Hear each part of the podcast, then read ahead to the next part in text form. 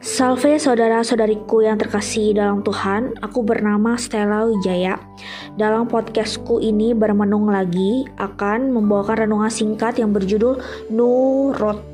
Ayatnya diambil dari Amsal 3 ayat 35 bunyinya.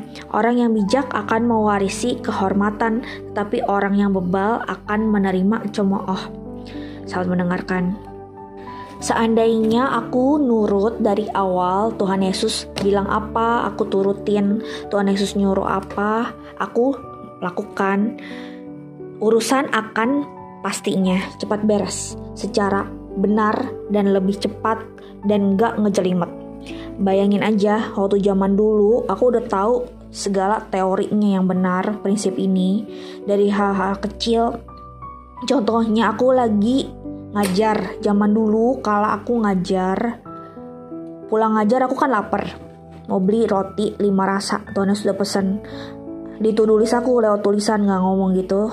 Lewat gerakan tangan nulis aku bilang abis ini langsung pulang jangan beli makanan. Eh nggak bilang langsung pulang jangan beli makanan dulu gitu. Eh aku bandel pengen tahu ini roti lima rasa ada apa enggak ya eh ternyata beneran nggak jualan. Udah gitu juga tentang urusan yang lain misalnya ke gereja. Ke gereja besok aja. Aku ragu-ragu ke gereja apa enggak ke gereja apa enggak lagi sempetnya sekarang gitu entah sore. Eh ternyata bener hujan. Jadi segala sesuatu Tuhan sudah rencanakan Tuhan sudah atur kehendak Tuhan yang terbaik.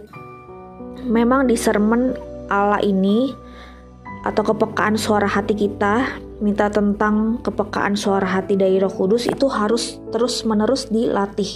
Nggak bisa langsung instan ya kan?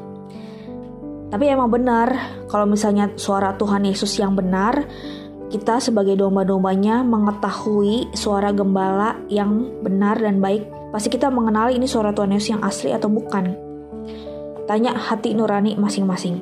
Seringkali manusia mau menentukan jalannya, langkahnya, mau ngambil langkah sendiri.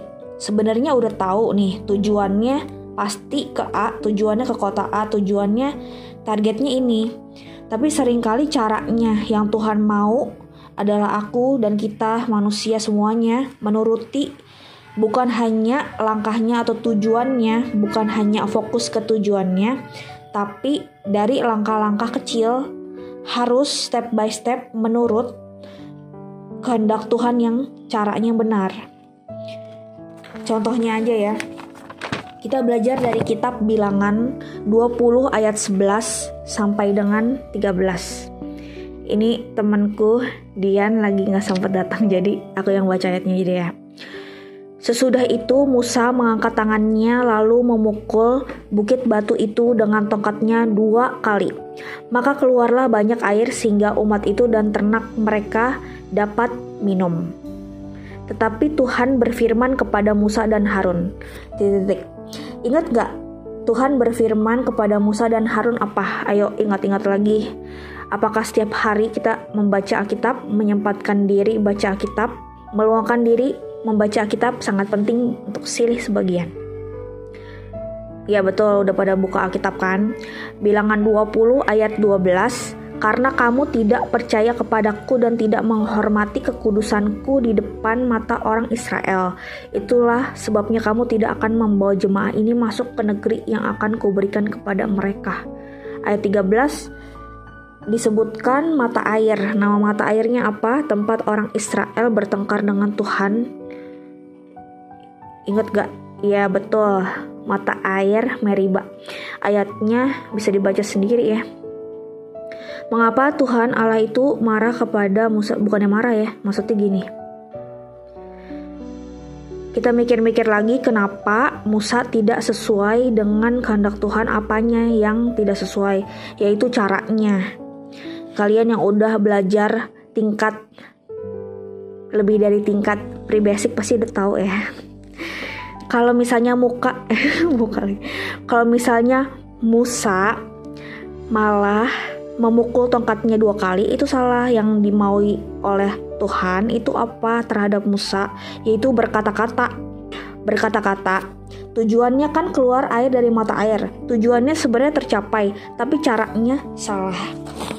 Aku pun belajar dan teringat lagi bahwa manusia tidak bisa menghindari panggilan hidupnya, katanya Romo Romanus, dosen pembimbing renungan audioku dalam kuliahku.